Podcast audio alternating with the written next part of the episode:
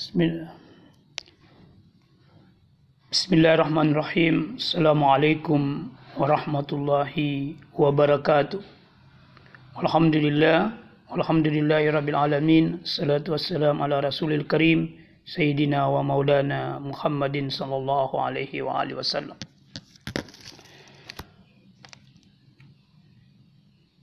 Saya ulang ya. Bahwa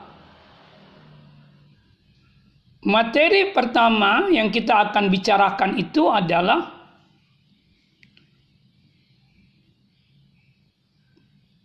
terkait dengan sejarah Al-Quran ini adalah bagaimana relasi Muhammad sallallahu alaihi wasallam anu bagaimana relasi Muhammad Sallallahu Alaihi Wasallam sebagai manusia pertama yang menerima wahyu dengan masyarakat Arab di mana wahyu itu pertama kali diturunkan. Ini penting untuk menjadi eh, kajian awal kalau kita ingin bicara tentang sejarah Al-Quran.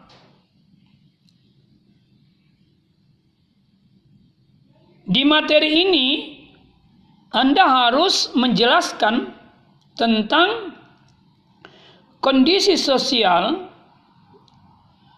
Jazirah Arab dan masyarakatnya, baik yang terkait dengan sosial politiknya, sosial budayanya, ya, sosial ekonominya, dan sosial religius spiritualnya. Pertanyaannya, Mengapa ini penting untuk dipahami?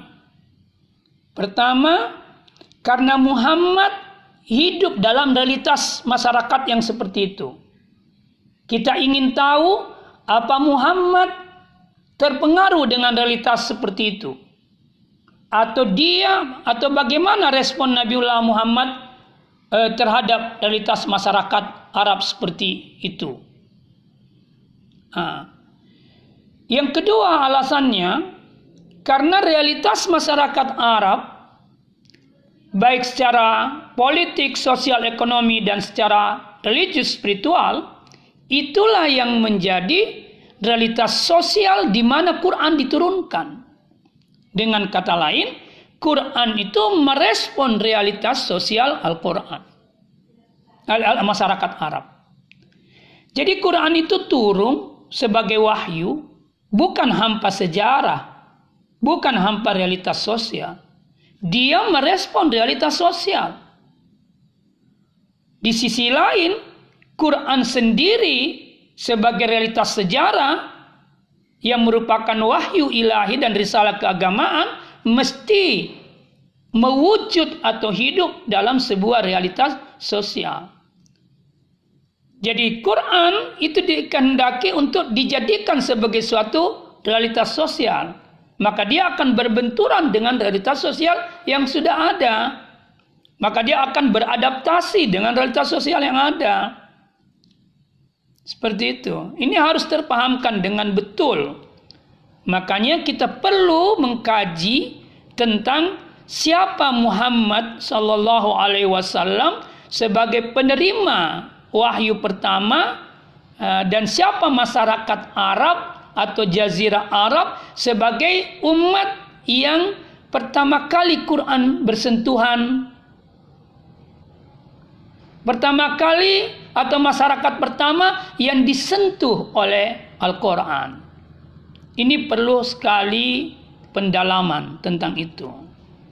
Nah, lagi pula kita ini ngaku umat Islam tapi tidak pernah tahu sebenarnya atau kurang tahulah siapa itu Muhammad.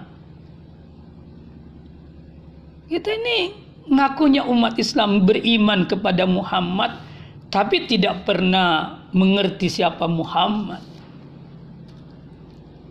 Mengapa dia dinamai Muhammad?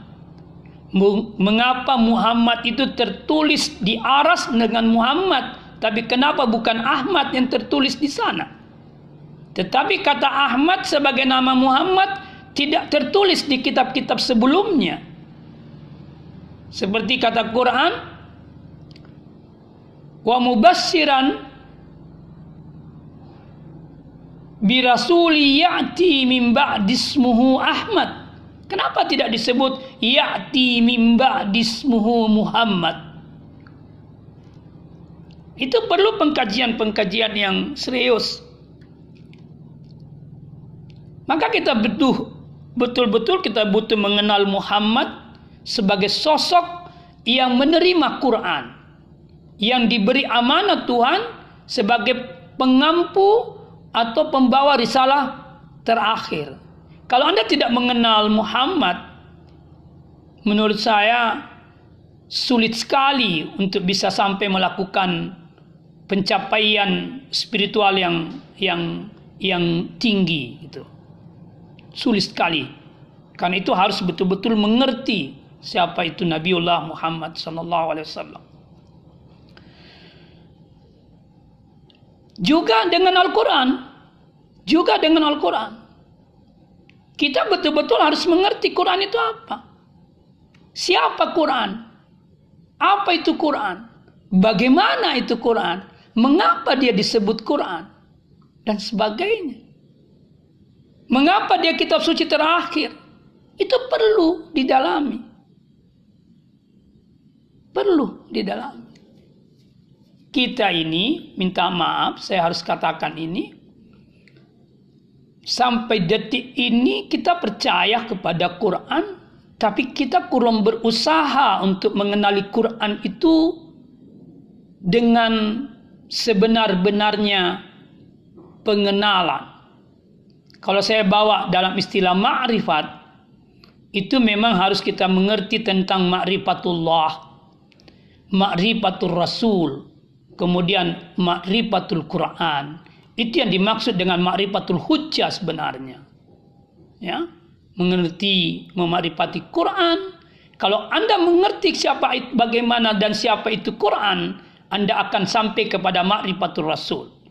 Karena Quran itu roh kerasulan. Ketika Anda sudah mengerti makrifatul Quran itu kemudian Anda paham makrifatul Rasul, maka Anda akan terantar ke makrifatullah.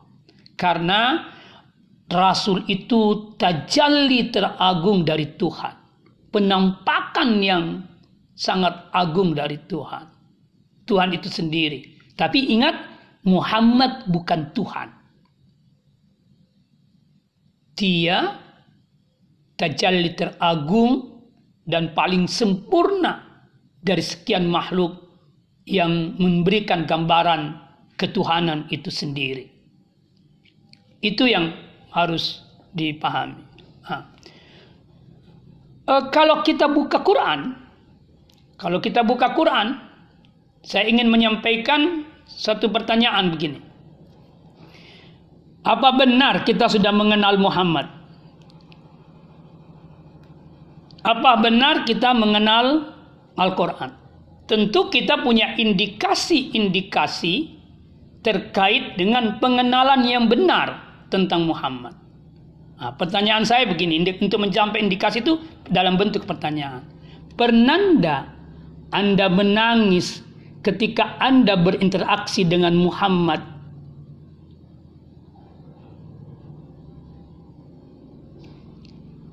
Itu pertama. Yang kedua, pernah Anda merasa bergembira dengan berinteraksi dengan Muhammad? Pernah Anda dengan berinteraksi misalnya dengan bersalawat ketika mendengar Nabiullah nama Nabiullah Muhammad iman kita semakin bertambah.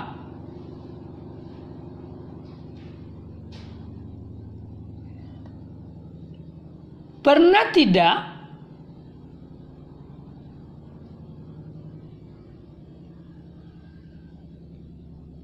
punya tekad yang kuat untuk memiliki moralitas akhlak seperti Muhammad.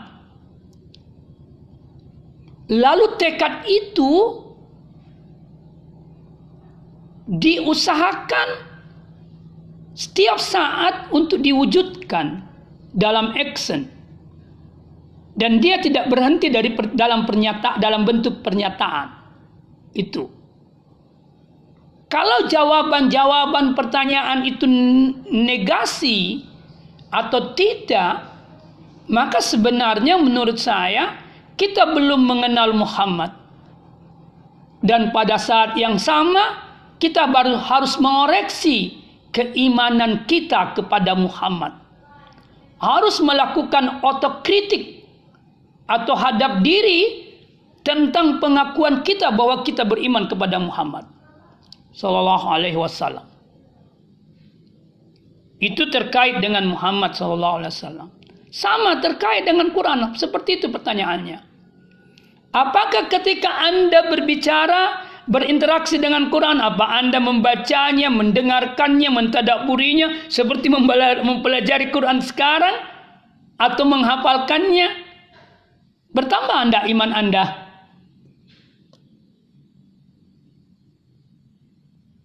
Karena kata Quran itu mutlak itu kata Quran bilang begini ketika orang kafir orang munafik itu bertanya ya, di dalam surah At-Taubah ya 124 kalau saya tidak salah itu.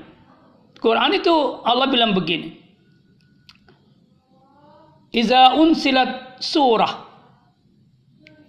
Kalau suatu surah itu diturunkan ya, maka orang-orang munafik itu bilang begini.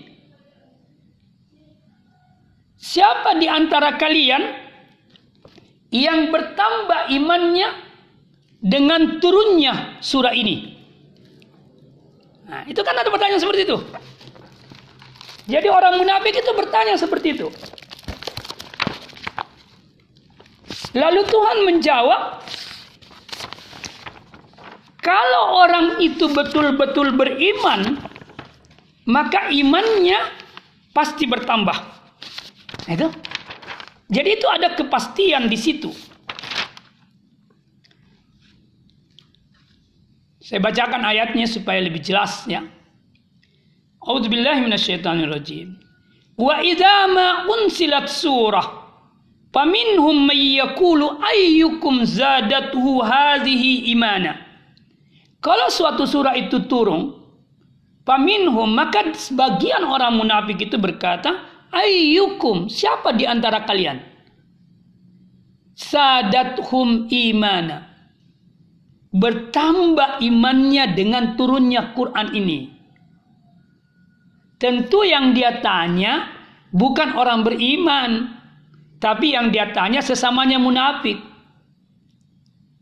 Pertanyaan itu langsung dijawab oleh Allah. Ladina amanu fazadathu imana.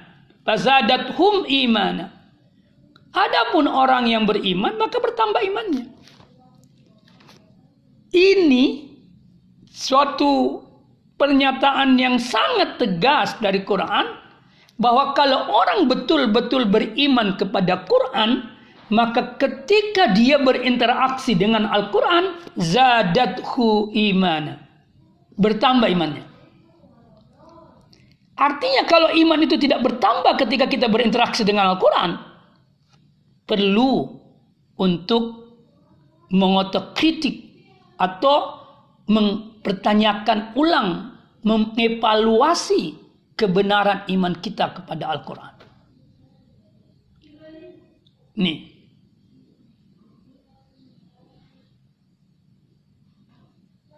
Sini sangat menarik nih. Mungkin kita bertanya, kan Quran sekarang tidak turun, Ustaz. Sudah selesai. Maka yang dimaksud dalam konteks ayat ini Ketika orang berinteraksi dengan Al-Quran, misalnya ketika dia orang lagi belajar seperti sekarang tentang Quran, lagi membaca, lagi mentadaburi, lagi mendengarkan, lagi menghafalkan, apa benar? Sadathu imana atau tidak? Nah, maka muncul pertanyaan saya.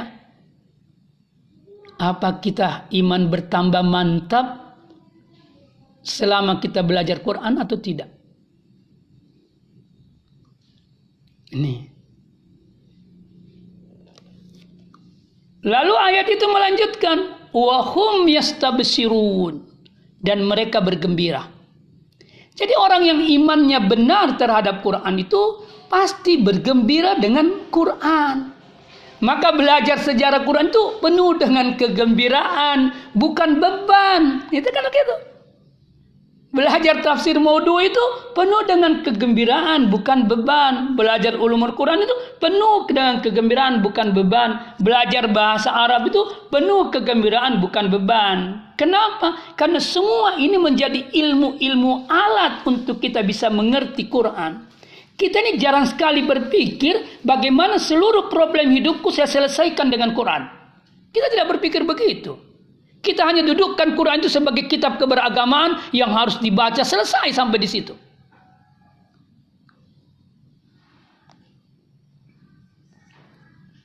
Itu ciri kedua orang yang betul-betul bisa dibenarkan keimanannya kepada Quran.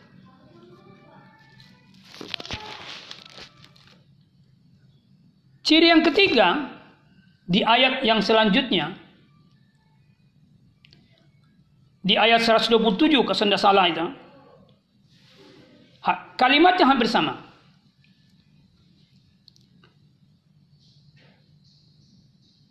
Wa idza unsilat wa idza ma unsilat surah.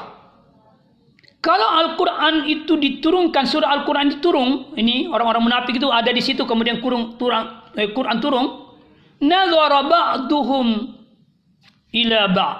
Sebagian orang munafik itu melihat kepada sebagian yang lain. Kalau bahasa saya, si kode-kode matai. Nah, itu kira-kira seperti itu. Aku lihat-lihat gitu. Hah? Kemudian berkata, Hal yarakum min ahad. Apa ada orang yang beriman melihatmu? Dia bilang, tidak ada Ji. Tidak ada yang lihat. Apa yang dia lakukan? Summan sarafu maka orang munafik itu meninggalkan tempat di mana Quran itu turun. Apa sikap mereka? Apa akibat dari sikap mereka ini? Fasarafallahu qulubahum. Maka sarafallahu qulubahum. Allah pun mengangkat punsi-punsi hatinya. Maka dia digelar bi annahum qaumun la yafqahun Kenapa mereka itu bisa melakukan sikap seperti itu? Meninggalkan di mana meninggalkan Al-Qur'an ketika dibicarakan, tidak suka Quran dibicarakan, tidak bergembira ketika Quran dibicarakan, malah cuek terhadap Al-Qur'an ketika dia dibicarakan. Kenapa? Bi annahum qaumun la yafqahun. Karena mereka itu kaum yang tidak fakih terhadap agama. Maka orang yang betul-betul imannya kepada Quran itu baik, dia menjadi seorang faqihuddin. Dan orang yang sudah dipakikkan dalam agama, khususnya misalnya dipakikkan dalam Al-Quran, itulah orang yang paling kaya. Dan itulah orang yang paling banyak kebaikannya karena dia menemukan hikmah yang sangat banyak di dalam Al-Quran. Kata hadis Nabi, kalau Allah menginginkan seseorang itu kebaikan untuknya, faqahu biddin, maka Allah akan membuatkan dia fakih terkait dengan agama. Sebenarnya Anda sekalian, Anda harus bersyukur sebagai mahasiswa jurusan Al-Quran. Anda harus bersyukur itu. Kenapa saya mengatakan itu? Allah sudah sesungguhnya mengkondisikan Anda untuk selalu berinteraksi dengan Al-Quran. Tinggal kita melakukan dengan benar. Jangan terjebak dalam rutinitas tradisi yang eh, akademik saja. Itu. Itu yang saya harus katakan itu sama Anda sebelum kita lanjut belajar secara Quran ini. Itu saya harus tegaskan. Ya. Uh, seperti saya bersyukur ketika uh, saya di di apa di anugerahi Tuhan jurusan tafsir sampai selesai di S3 saya bersyukur sekali karena Itu isyarat bahwa saya ditempatkan oleh Allah pada posisi Allah ingin memberikan saya Quran itu. Tinggal bagaimana saya merespon kesempatan ini. Nabi bilang begini. Tadi saya katakan tidak ada orang yang paling kaya di dunia ini kecuali ketika dia sudah diberi Quran oleh Tuhan. Apa yang dimaksud orang diberi Quran oleh Tuhan? Quran itu sudah ada dalam dirinya. Ada di kepalanya, ada di hatinya, menyata di actionnya, dan menjadi kepribadian moralitas ahlaknya. Itu Quran ada itu, seperti itu. Kalau itu sudah ada di situ, maka Quran ada di situ. Kata Nabi, uh, dalam sebuah hadis dia katakan Al-Qur'anu ginan. Quran itu kekayaan. La ginadunahu. Tidak ada kekayaan selain Al-Quran. Wala faqra ba'dahu. Dan tidak ada kepakiran setelah Al-Quran. Artinya apa? Quran itu sendiri kekayaan. Maka orang yang dikasih Tuhan Quran, dia kaya. Dan dia tidak akan pernah miskin. Tidak ada kekayaan lain selain kekayaan Al-Quran ini. Tidak ada. Kekayaan yang lain itu, kalaupun dianggap kekayaan kecil. Karena itu kata Hanabi dalam hadis yang lain, Man al Quran. Siapa yang sudah diberi Quran, lalu dia masih menyangka, maka dia orang kaya. Lalu kemudian masih menyangka bahwa ada orang lain yang diberi nikmat yang lebih besar dibanding Quran itu yang telah diberikan Allah padanya. Maka kata Nabi, A'sama sagiran wa kabbar wa kabbar sagir, sagiran. Jadi a'sama kabi eh, sagiran Nah, kemudian dia mengatakan wasaggara kabira. Orang yang menyangka bahwa ada orang lain yang diberikan kekayaan melebihi dirinya yang telah diberi ke Quran, maka dia sesungguhnya telah membesarkan yang kecil. Ini. A'asama sagiran. Wasaggara kabiran. Dan mengecilkan yang kecil, yang besar. Yang mana yang besar yang kemudian dikecilkan? Yaitu Quran.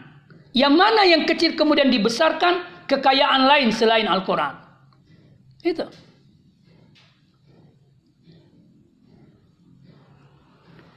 Jadi tidak ada alasan untuk tidak takih terhadap Quran. Tidak ada. Apalagi Anda jurusan tafsir. Ya?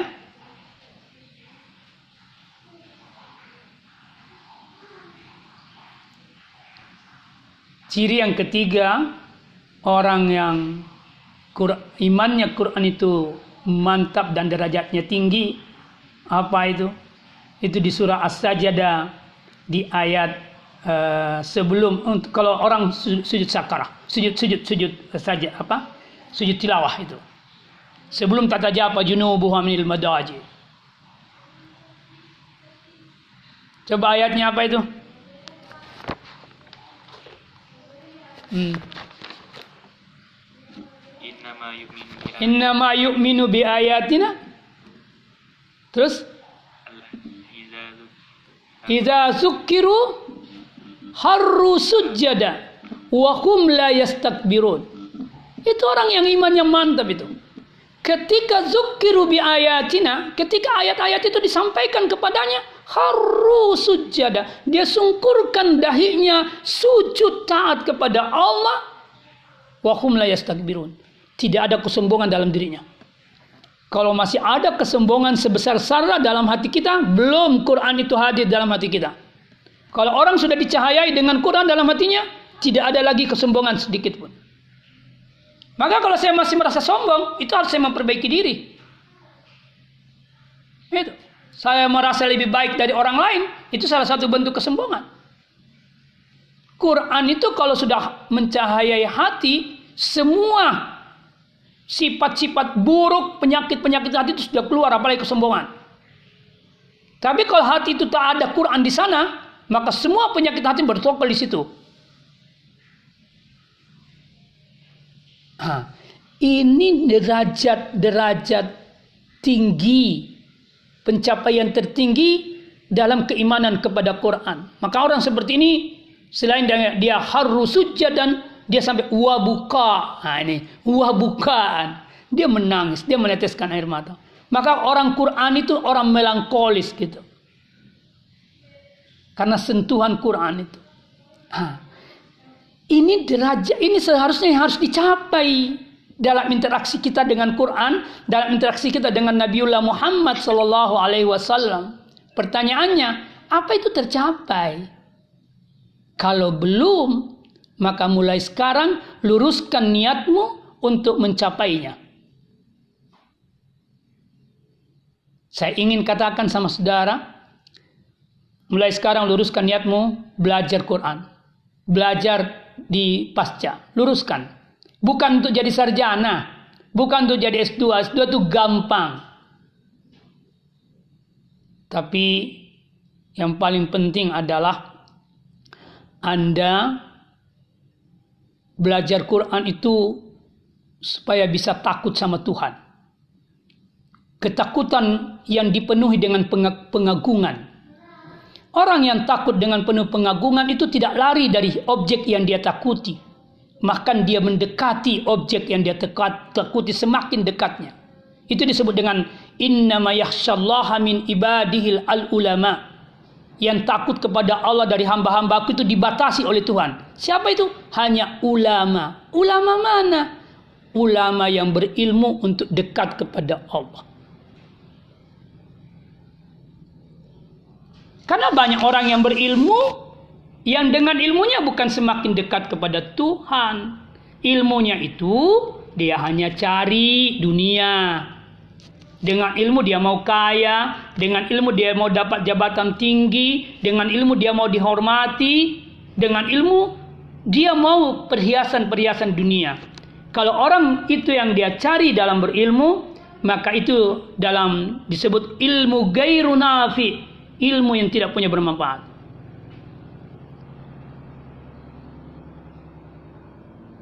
Mending tidak berilmu daripada itu targetnya. Jadi kalau Anda mau kuliah S2 hanya untuk jadi sarjana supaya dapat pekerjaan secepat mungkin, supaya cari uang, ngajar supaya cari uang, aduh. Ngapain mikirin itu? Untuk apa kamu cari kerja, cari uang? Kan cari cari untuk, untuk dapat uang supaya kamu punya rezeki. Pertanyaan saya, memangnya rezekimu tidak ditentukan sama Allah? Rezeki kita kan sudah pasti ditentukan sama Allah. Kalau Allah sudah tentukan apa Allah akan ingkari? Tidak mungkin. Mesti kita dapatkan. Jadi tak usah dipikirkan itu.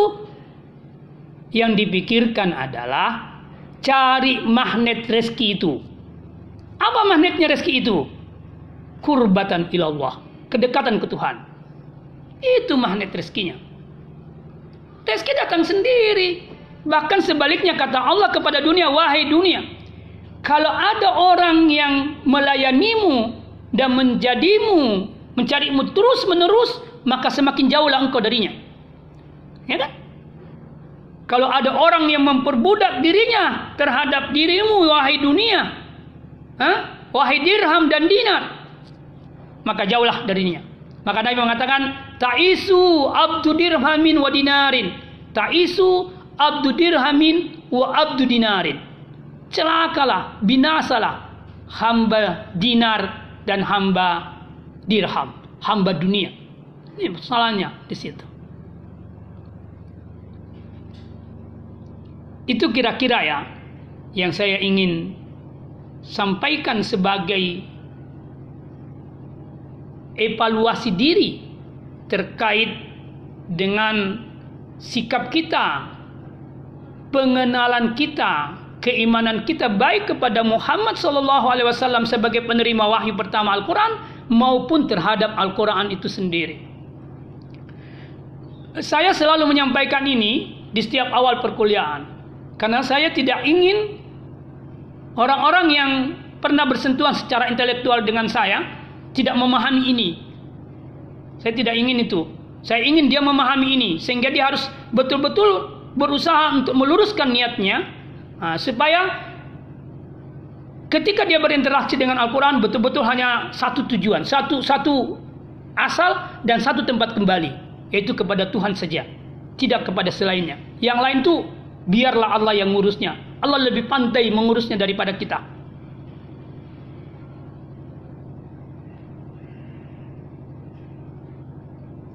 Ini. Dan tidak perlu Anda khawatir, tidak perlu, tidak perlu ada kekhawatiran. Tidak perlu. Itu Tuhan sudah menung memberikan tempat yang mulia gitu.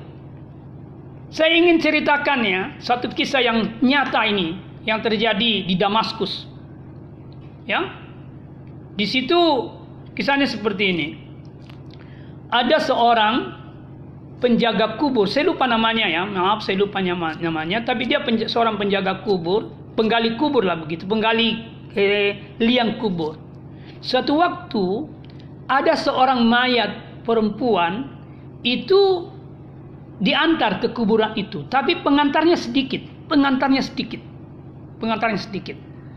Singkat cerita, sang penggali kubur ini kemudian membuka peti mayat itu, lalu dia turunkanlah mayat itu ke tanah. Ketika dia proses menurunkan, meletakkan mayat itu di tanah, terjadi keanehan yang luar biasa. Apa keanehan yang luar biasa itu? uh, sang penggali kubur ini yang meletakkan mayat di dalam lian kubur itu tiba-tiba dia melihat raudatun miriatil jannah. Dia diperlihatkan Tuhan itu cahaya atau tempat taman-taman surga itu. Taman-taman surga itu diperlihatkan sama Allah. Orang ini pingsan penjaga kubur ini langsung pingsan setelah Uh, jadi ketika dia lihat itu yang yang dia lihat yang lain adalah eh ternyata ada dua orang yang pakaian putih-putih itu kemudian mengambil mayat ini dan membawa pergi. Itu yang dia lihat. Sebelum dia pingsan. Yang lain tidak ada yang lihat. Maka disiramilah air orang ini, lalu kemudian dia siuman, lalu dia naik keluar. Maka ditimbunlah itu lian lahat. Lalu dia bercerita kepada orang-orang itu. Kenapa? Ditanya kenapa anda pingsan?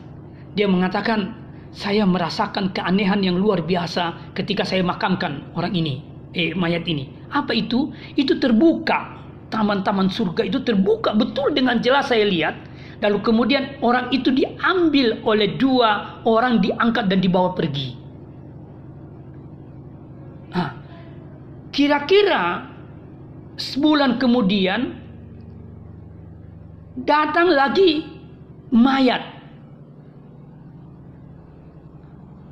Dan pengantarnya juga sedikit. Tapi yang menarik adalah yang datang itu sama pengantar sebelumnya. Maka ketika seperti cerita tadi dimasukkan di liang lahat itu Terjadi peristiwa yang sama. Terjadi peristiwa yang sama. Tapi si penggali kubur itu tidak pingsan lagi. Maka setelah dia tanam dia dia eh, timbun lian lahat itu, dia buru-buru naik. Dan dia melihat seorang ibu yang buru-buru pulang meninggalkan kuburan itu. Tapi sang penggali kubur ini memburuhnya. Lalu dia bertanya, "Ibu, siapa apanya ibu ini mayat dia bilang anakku kenapa anda tanya itu dia bilang ibu sudah dua anak ata yang saya eh, tempatkan di liang lahat peristiwanya sama yang dialami dengan anak ta yang pertama lalu si penggali kubur itu bertanya eh, apa yang dia lakukan anaknya ibu ketika dia masih hidup. Lalu sang ibu itu menjelaskan bahwa anak saya yang pertama itu adalah penuntut ilmu. Penuntut ilmu. Dia belajar terus. Kemudian yang kedua, yang kedua itu kakaknya yang bekerja untuk membiayai adiknya yang menuntut ilmu. Di sini saya mengambil pelajaran yang luar biasa bahwa yang membiayai orang-orang yang menuntut ilmu dimuliakan oleh Allah seperti mulianya dan dimuliakannya para penuntut ilmu. Tapi bukan di situ berhenti ceritanya. Ada yang lebih hebat lagi cerita itu. Mendengar cerita ini, penggali kubur ini tuh berhenti menjadi penggali kubur. Di umurnya 45 sampai 40 sampai 45 tahun atau mungkin 45 tahun sampai 50 tahun, ia kemudian bertekad untuk menjadi penuntut ilmu. Maka dia masuklah ke rumah, apa? Dia menemuilah seorang guru di masjid di, di Damaskus itu, lalu kemudian dia belajar di sana. Lalu ditanya, dalam umur ini baru kau mau belajar? Maka dia ceritakan peristiwa itu, maka sang ulama itu mengatakan ini orang dibawa Tuhan untuk ke sini untuk belajar. Maka dia ajar, mulailah dia belajar jurumia, dia hafal alpia dan sebagainya. Apa yang terjadi? Dalam beberapa tahun, orang ini yang tadinya menjadi penggali kubur menjadi ulama besar di Damaskus. Dan keturunannya menjadi ulama besar.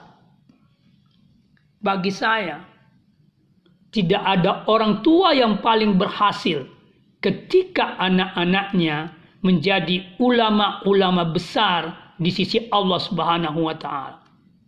Dan tidak ada anak yang paling berbakti kepada kedua orang tuanya kecuali dia senantiasa mendidik dirinya untuk menjadi ulama-ulama besar supaya dia orang tuanya itu dimuliakan oleh Allah karena ilmunya, karena doa-doanya, karena ibadah-ibadahnya. Karena ibadah seorang anak itu akan eh, selain anak itu yang dapatkan, orang tuanya juga akan dapatkan selama anak itu dididik oleh orang tuanya. Ini loh. Ini yang saya ingin sampaikan sama Anda. Anda tidak perlu pikir yang lain. Belajar saja. Belajar saja. Belajar saja. Ini. Apalagi tentang Quran. Apalagi tentang hadis Nabi. Anda masih muda. Saya saja yang sudah umur 50-an ke atas ini Alhamdulillah saya tidak pernah buku itu baru lepas di tangan saya kalau saya tidur.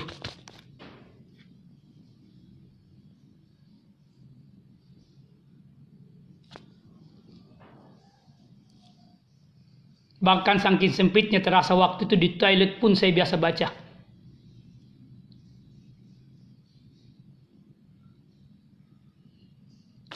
Ini saya sampaikan sebagai motivasi untuk Ananda.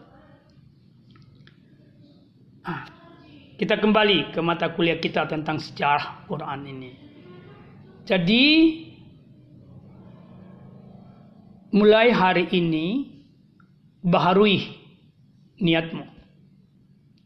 Saya belajar untuk betul-betul mendapatkan ilmu ini untuk mendekatkan diri kepada Allah bukan untuk cari dunia. Buang itu jauh-jauh. Ilmu cari dunia. Buang itu jauh-jauh. Buang. Kalau dia mulai muncul, tendang cepat. Tolak cepat. Karena pasti setan membisikkan itu. Pasti setan itu membisikkan. Pasti itu. Pasti setan itu tanamkan itu. Karena yang paling ditakuti setan itu adalah orang yang mau belajar agama.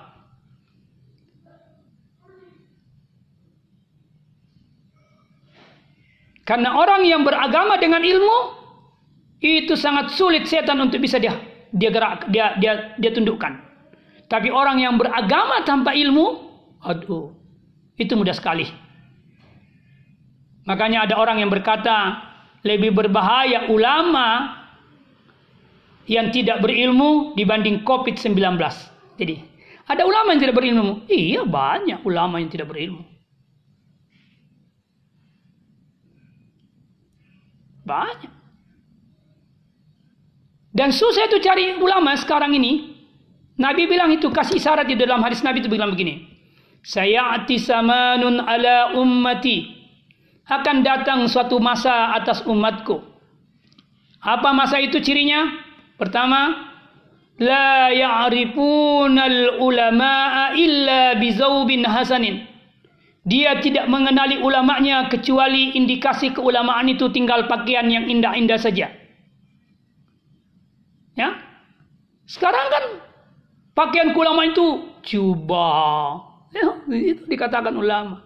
Padahal indikator keulamaan itu tiga yang paling utama. Ilmunya dalam, moralitas, eh, spiritualitasnya tinggi, moralitasnya mulia. Tidak dilihat dari pakaiannya. Nah, itu ciri pertama. Yang kedua, la ya'rifuna al-Qur'ana. Ini terkait dengan Quran. La ya'rifuna al-Qur'ana illa bisautin hasanin. Dia tidak mengenali Quran lagi kecuali hanya Quran itu dinya, di, disuarakan dengan suara indah. Jadi orang kagum terhadap Quran karena suara si pembaca Quran itu indah. Tapi orang tidak mengerti lagi Quran. Nih. Ini nyata sekarang. Sekarang ini susah cari ulama. Sekarang susah cari ulama ini.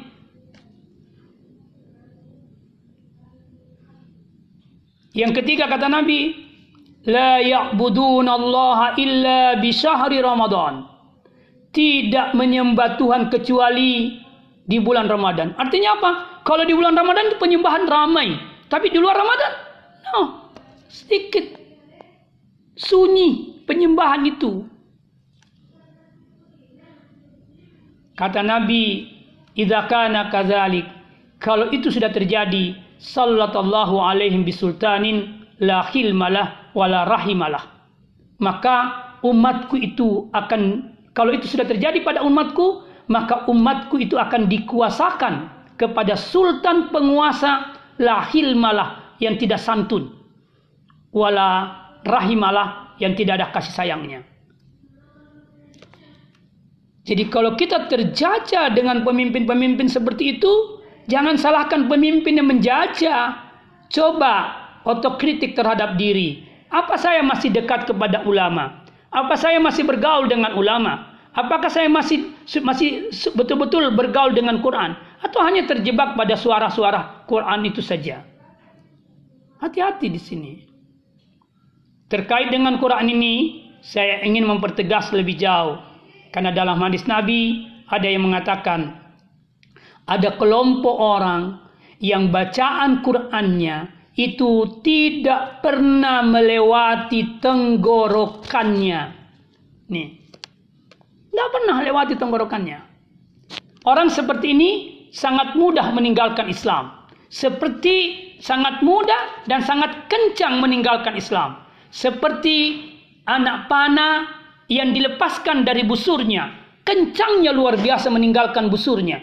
Maka setelah dia lepas dari busurnya, dia tidak mampu lagi kembali kepada busurnya. Ya kan? Artinya apa? Orang yang Quran itu sampai di tenggorokannya saja tidak mencahayai hatinya, tidak memberikan pengaruh kepada kepalanya dan tidak memberikan pengaruh kepada actionnya dan sebagainya. Ini mudah sekali tinggalkan agamanya. Contoh kasusnya siapa? Pembunuh Imam Ali, Ibnu Muljam. Ibnu Muljam itu Anda tahu dia penghafal Quran tembus 30 juz. Salat tahajudnya luar biasa. Tahajud luar biasa. Dia menjadi utusan Umar bin Khattab ketika Umar bin Khattab radhiyallahu an ini menjadi khalifah, dia diutus ke Mesir untuk mengajarkan Al-Qur'an masyarakat Mesir.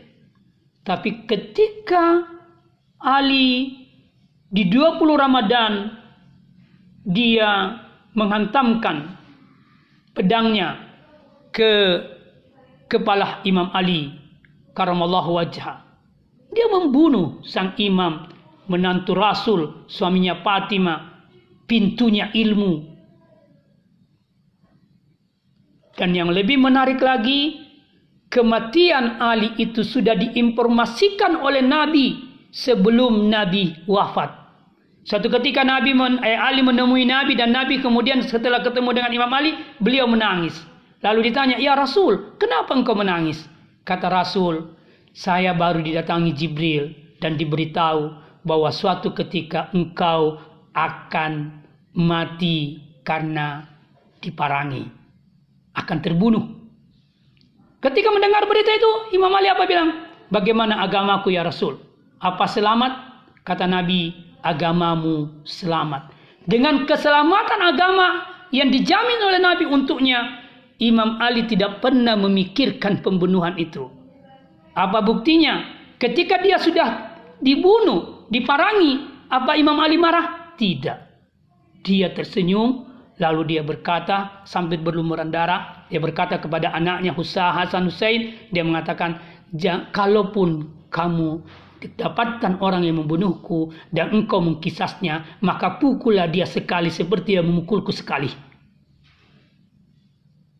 Dia tidak bilang bunuh. Dan sebagainya. Ini orang yang Qur'annya, pembunuh al ini Qur'annya sampai di tenggorokannya saja. Bahkan ada hadis Nabi, ada satu gilingan di neraka, itu diperuntukkan oleh kepala-kepala yang penghafal Quran, tapi Quran tidak nyata dalam eksennya, dalam kalbunya, dan dalam cahayanya. Ini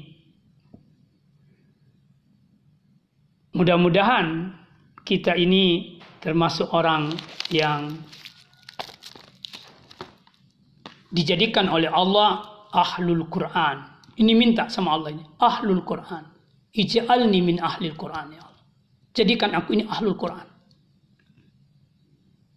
min amilil Quran yang mengamalkan Quran yang menjadikan Quran sebagai moralitas akhlaknya ini penting ya mudah-mudahan apa yang saya sampaikan ini memberikan motivasi yang eh, kuat untuk anda untuk mencoba melakukan evaluasi, evaluasi diri dan sekaligus untuk mencoba memperbaiki diri khususnya terkait dengan eh, pembelajaran-pembelajaran Eh, kita terhadap Al-Quran. Terima kasih. Uh, bila itu. Assalamualaikum warahmatullahi wabarakatuh.